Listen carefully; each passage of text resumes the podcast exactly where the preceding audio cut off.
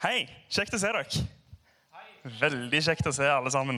Um, jeg skal snakke om noe som jeg Jeg heter forresten Sigve, og jeg skal snakke om noe som jeg er veldig glad i. Jeg skal snakke om mat.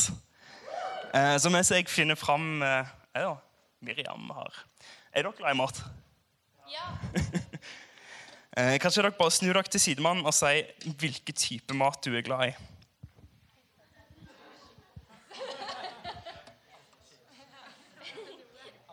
Noen må hjelpe han. Jeg er ikke på dette. Ja, går det greit? Jeg tror det går bra. Åh, dere var litt nærmere enn jeg trodde. Yes. Nei, jeg vil ikke se ned på dere. Altså, du, du pleier å få vondt i nakken når folk står oppe der. Fordi at vi sitter så nærme scenen. Så det er ikke så bra. ja, det er veldig viktig. Dere skal nyte dette her. Yes. Um, hvor mange av dere var her forrige uke? Altså bra. Da eh, er det mange av dere som ikke var her. og Da er det veldig passende at jeg oppsummerer litt hva som var eh, temaet forrige uke. For jeg skal fortsette en taleserie eh, som ble begynt av Per Eivind eh, forrige uke. Som handler litt om måltidet og det fellesskapet eh, som er rundt måltidet. Eh, og kort oppsummert eh, så sa han at mat det er viktig. Det er veldig mye mat i Bibelen. Eh, altså Jesus han gikk til måltid, eller satt i måltid, eller gikk fra et måltid. Eh, veldig mange av samtalene hans det er under et måltid. Og det er viktig for oss som fellesskap, som en kirke, eh, det med mat. Eh, han sa mye mer enn det, eh, men nå fikk dere iallfall en liten, kort eh, oppsummering. Eh, jeg kommer til å gjenta en del av det han sa, og det er fordi at mye av det var bra. Og det skader ikke å gjenta de tingene som, som er bra. Um, skal vi sjå Jeg har valgt også å kalle denne talen for lovsang og mat. Eh, og mat vil være i hovedfokus, ikke fordi at lovsang er dumt, men fordi at jeg har fått beskjed om det. Eh, og Vi skal begynne med å lese litt fra Apostelens gjerninger, eh, kapittel 2, vers 42-47. Eh, og Her er det en beskrivelse av den første kirka rett etter kirka har begynt å eksistere. Jesus har akkurat gått til himmelen, eh, og de har fått Den hellige ånd. Så er det en sånn beskrivelse av hva som kjennetegner eh, de første kristne. Eh, det står de holdt seg trofast til apostlenes lære og fellesskapet, til brødsbrytelsen og bønnene. Hver og en ble grepet av ærfrykt, og mange under og tegn ble gjort av apostlene. Alle de troende holdt sammen og hadde alt felles. De solgte eiendommene sine og det de ellers eide, og delte ut til alle ettersom hver enkelt trengte det. Hver dag holdt de trofast sammen på tempelplassen, og i hjemmene brøt de brødet og spiste sammen med oppriktig og hjertelig glede. De sang og lovpriste Gud og var godt likt av hele folket. Og hver dag la Herren til nye som lot seg frelse. Jeg vil framheve og i hjemmene brøt de brød og spiste sammen med oppriktig og hjertelig glede. De sang og lovpriste Gud. Jeg tror det er litt bra å se på den første kirka. Se liksom på røttene våre. Eh, for det at Den første kirka vokste utrolig fort. Og det til tross for en ekstrem forfølgelse der folk ble piska og fengsla, der de mista jobbene sine, og til, til og med noen ble drept. Eh, I et samfunn og en kultur hvor det absolutt ikke var naturlig eh, å tro på én gud eh, som hadde kommet til jorda, og som hadde dødd og stått opp igjen. Det var ikke noe som var liksom veldig gode grobunn for at kirka skulle vokse, men den vokste enormt allikevel. Eh, og Noen av de tingene som kjennetegna denne kirka og de første kristne, var at eh, de sang lovsang og spiste sammen veldig mye. Eh, de hadde sterke fellesskap. De var både åndelige og praktiske. De var både opptatt av det høye, men òg av det lave. De henvendte seg både opp til Gud og innover til fellesskapet. Eh, For en stund siden så hørte jeg på en podkast, noe som jeg gjør hele tida. Og i den podkasten var det en kinesisk religionsforsker som var på besøk i et eller annet random universitet i USA. Eh, Og han skulle fortelle om det religiøse livet i Kina. Eh, Og så når de kom over til det med kristendommen, eh, så ble han spurt om hvorfor det har blitt så mange kristne i Kina. For det det har blitt veldig mange kristne i Kina de siste årene. Eh, og svaret hans eh, det var at rundt omkring over hele landet så kunne du se at det gikk rykter og historier om en slags sånn inderlig tilbedelse eh, og om helbredelser i møte med kristne. Og om sterke fellesskap, hvor eh, på landsbygder så kunne du se eh, familier eh, som var kristne, som inviterte alle naboene sine inn til å spise middag hos de. Og i byene så eh, drev kristne studenter og samla seg på McDonald's og andre fast food-plasser. Um, jeg tror ingen av de er tjukke, så det er kanskje et mirakel òg. Um, blant kristne kinesere så eksisterer det altså et åndelig liv og sterke fellesskap med mat. Og det finner du ikke ellers i samfunnet der. Iallfall ifølge han religionsforskeren. Um, jeg er en stor fan av ei ganske crazy dame fra California. Uh, hun heter Heidi Baker uh, og er misjonær i et uh, land i Sørøst-Afrika som heter Mosambik. hun opplever masse ting, men liksom, det hun gjør, er, er nokså enkelt, hun og mannen. de skryter over Jesus, de ber for syke, og de inviterer masse folk på en svær kyllinggryte hvor alle er invitert. Og En av de mantraene hun har, eller en av de tingene som hun sier ofte, det er noe sånn som Faith looks like something. Love looks like something. Eh, Troa vår er faktisk ikke meint å være en sånn abstrakt ting som vi bare diskuterer, og som svever oppi der. Det er meint å se ut som noe. Det er meint å være synlig. Kjærlighet er faktisk synlig. Eh, og det, det, er noe som hver og en skal kunne se. Det er òg altså, ting du ikke ser, selvfølgelig, men, eh, men, men resultatet av det er synlig. Og noe av det du ser, det handler faktisk om mat. Eh, og når det kommer til det med mat, så kan vi lære av Jesus og de første kristne. Eh, evangeliene er fulle av måltider og samtaler eh, mellom Jesus og folk som han satt og spiste sammen med. Og jeg ønsker å trekke fram eh, fem ting som eh, vi kan se eh, når vi leser om Jesus og den første kirka når det kommer til mat. Det er sikkert mange andre ting dere kan se, men dette er de fem tingene som jeg har lagt merke til. I alle fall. Nummer én eh, det handler ikke om maten, men om praten. Eh, I Lukas 10 eh, så står det en historie om der Jesus besøker to damer som har så bibelske navn som Martha og Maria. Maria hun stresser Unnskyld, Martha. Hun stresser med masse ting for å få et måltid og for at alt skal bli veldig bra. Mens Maria hun setter seg og prater med Jesus. Eh, og naturlig nok eh, så blir Martha ganske sur på Maria fordi at hun ikke hjelper til med å stelle i stand alle tingene eh, som de trenger. Men Jesus han sier at hun har valgt det gode som velger å bruke tid med henne. Og klart at Det er Jesus det snakker om, så det er noe spesielt å sitte og snakke med ham. Eh, så jeg drar det kanskje litt ut av kontekst.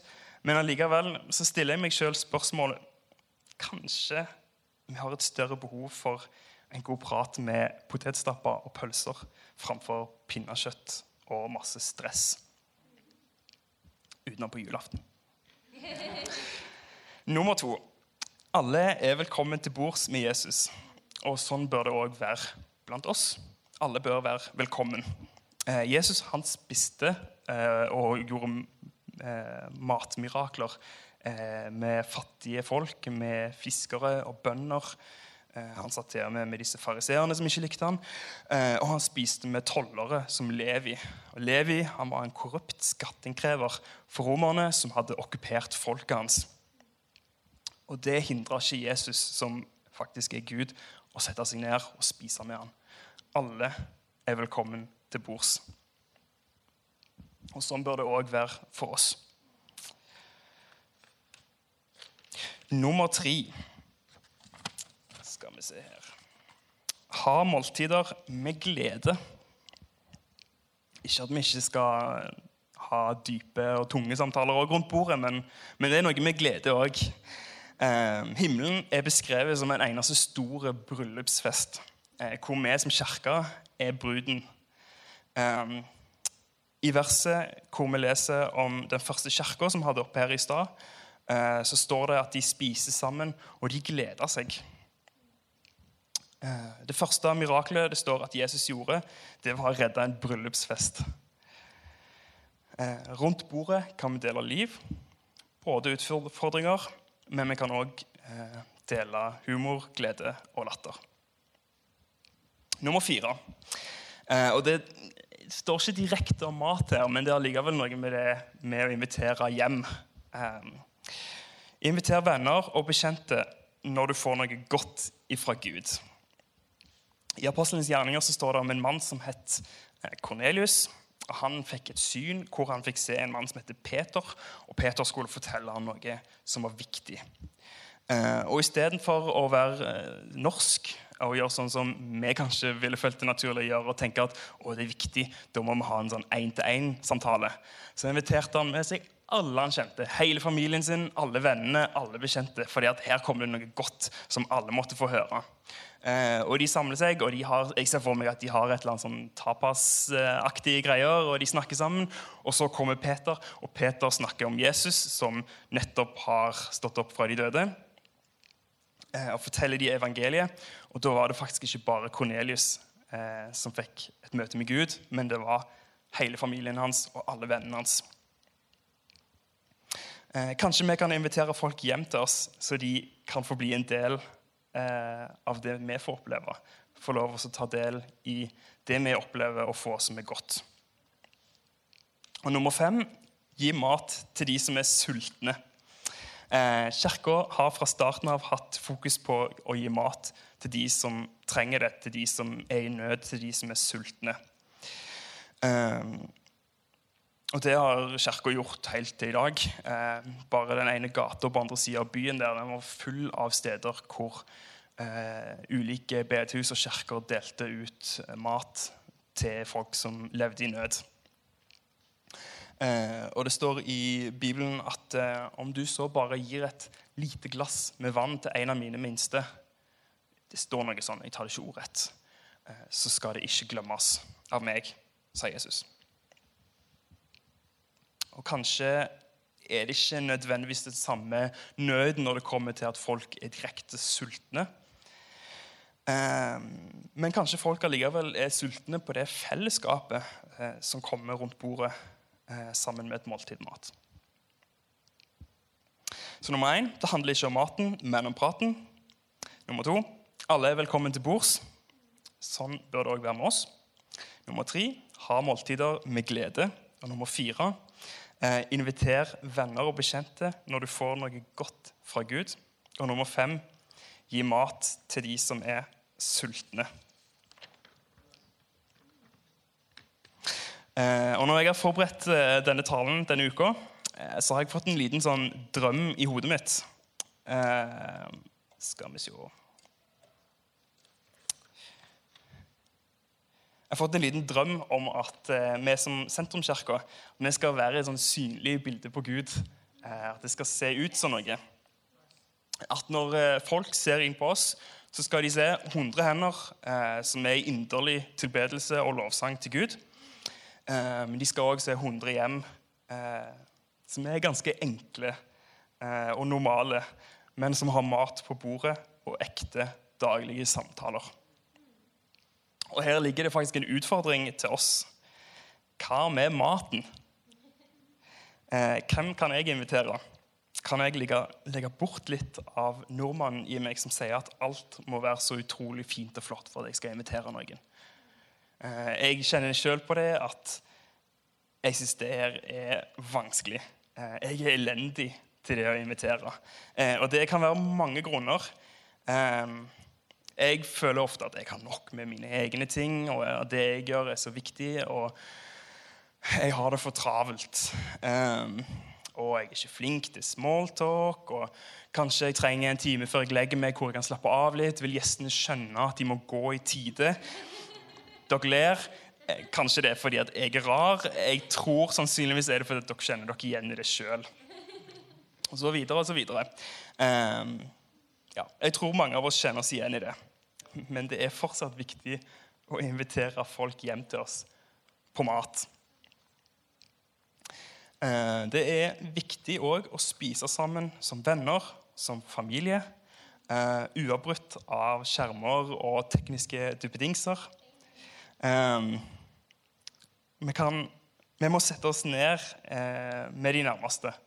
Fortelle om dagen vår. eh, Ha blikkontakt. Og ikke alltid ha på TV-en. Det gjelder i alle faser av livet. Kjærlighet er synlig.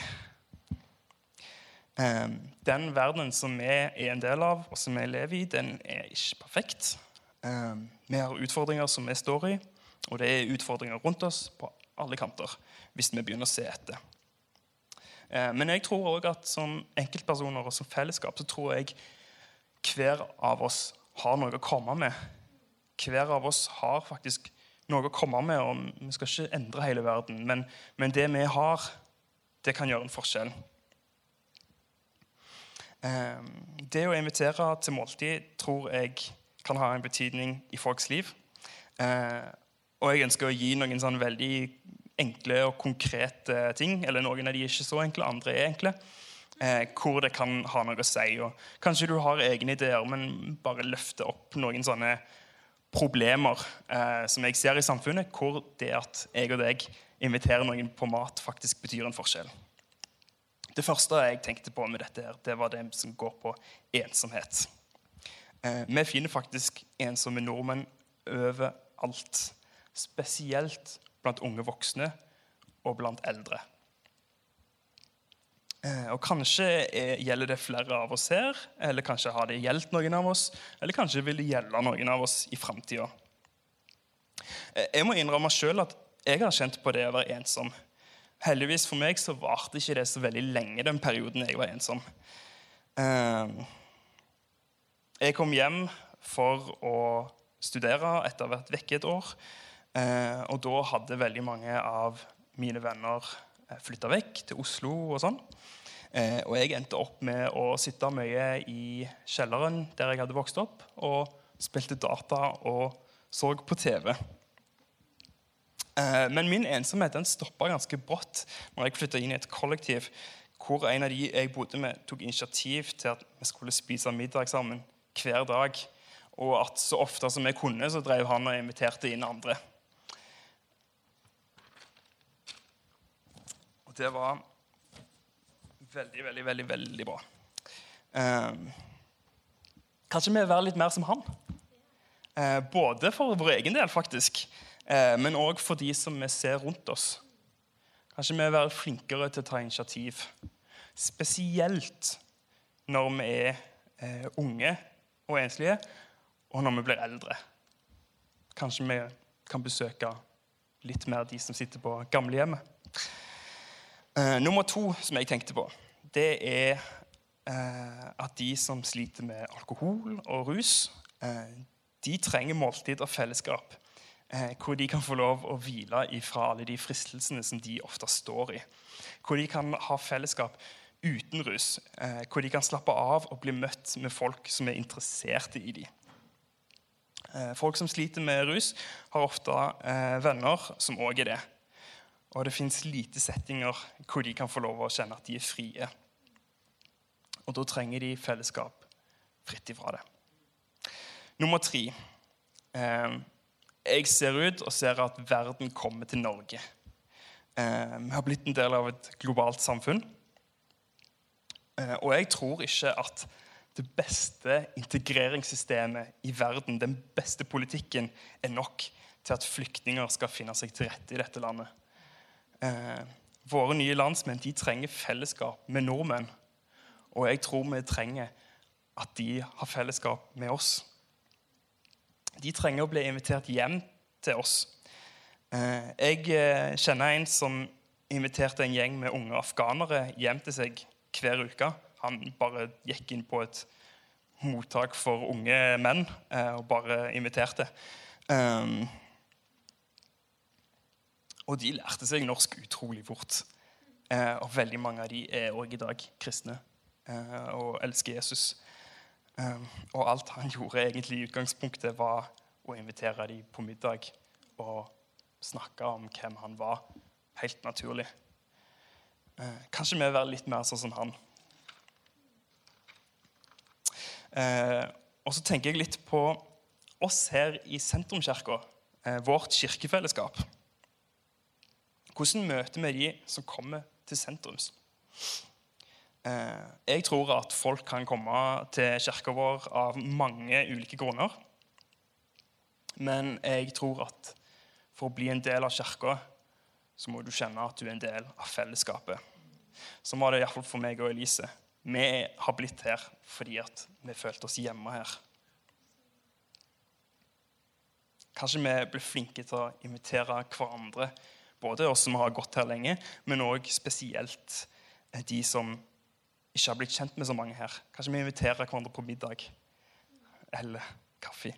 Eh, så kan vi bygge fellesskap hvor alle er ønska, hvor alle er inkludert, og alle føler seg invitert som en stor, utvida familie som spiser sammen. Nå kan gjerne bandet komme opp. Eh, jeg tror at vi kan være en kirke som er åndelig, som løfter opp Jesus, og som har kjempebra lovsang, og hvor vi synger full hals og alt det der. Vi er jo pinsevenner, så det kommer kanskje naturlig uansett. Um, jeg tror samtidig at vi kan være en kirke som er nær, som deler liv, og som spiser sammen, og som deler mat med de som trenger det. Så kanskje en religionsforsker om noen år kan fortelle om at i Stavanger så ble mange kristne, eh, og at de var kjent for heftig lovsang og et fellesskap ulikt noe annet. Eh, et fellesskap med masse enkel mat, masse pølser og potetstapper, men òg med god latter og dyp prat. Um, på slutten av talen så pleier vi ofte her i kirka å eh, gi en liten innbydelse hvis det er noen her eh, som ikke kjenner Jesus, som ikke kjenner at jeg kan kalle meg en kristen. Eh, så vil vi gi en mulighet for at eh, du kan ta imot Gud. Så kanskje alle bare lukker øynene og bøyer hodet.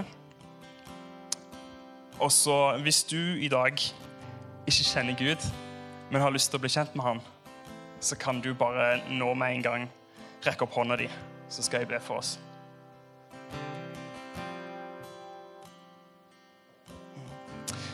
Takk, Jesus, for at vi får kjenne deg. Takk for mat, takk for glede. Takk for at du bryr deg både om det som ligger dypest inni hjertet vårt, og samtidig så bryr du deg om det mest dagligdagse som middagen vår. Takk for at eh, du har gitt oss et eksempel til etterfølgelse eh, hvor vi kan bygge et sterkt fellesskap. Og jeg ber Jesus om at dette er noe som vi skal ta konkret til oss. At vi skal bli folk som viser din kjærlighet gjennom eh, måten vi inkluderer hverandre på, måten vi inkluderer folk rundt oss på. Priser deg, Jesus.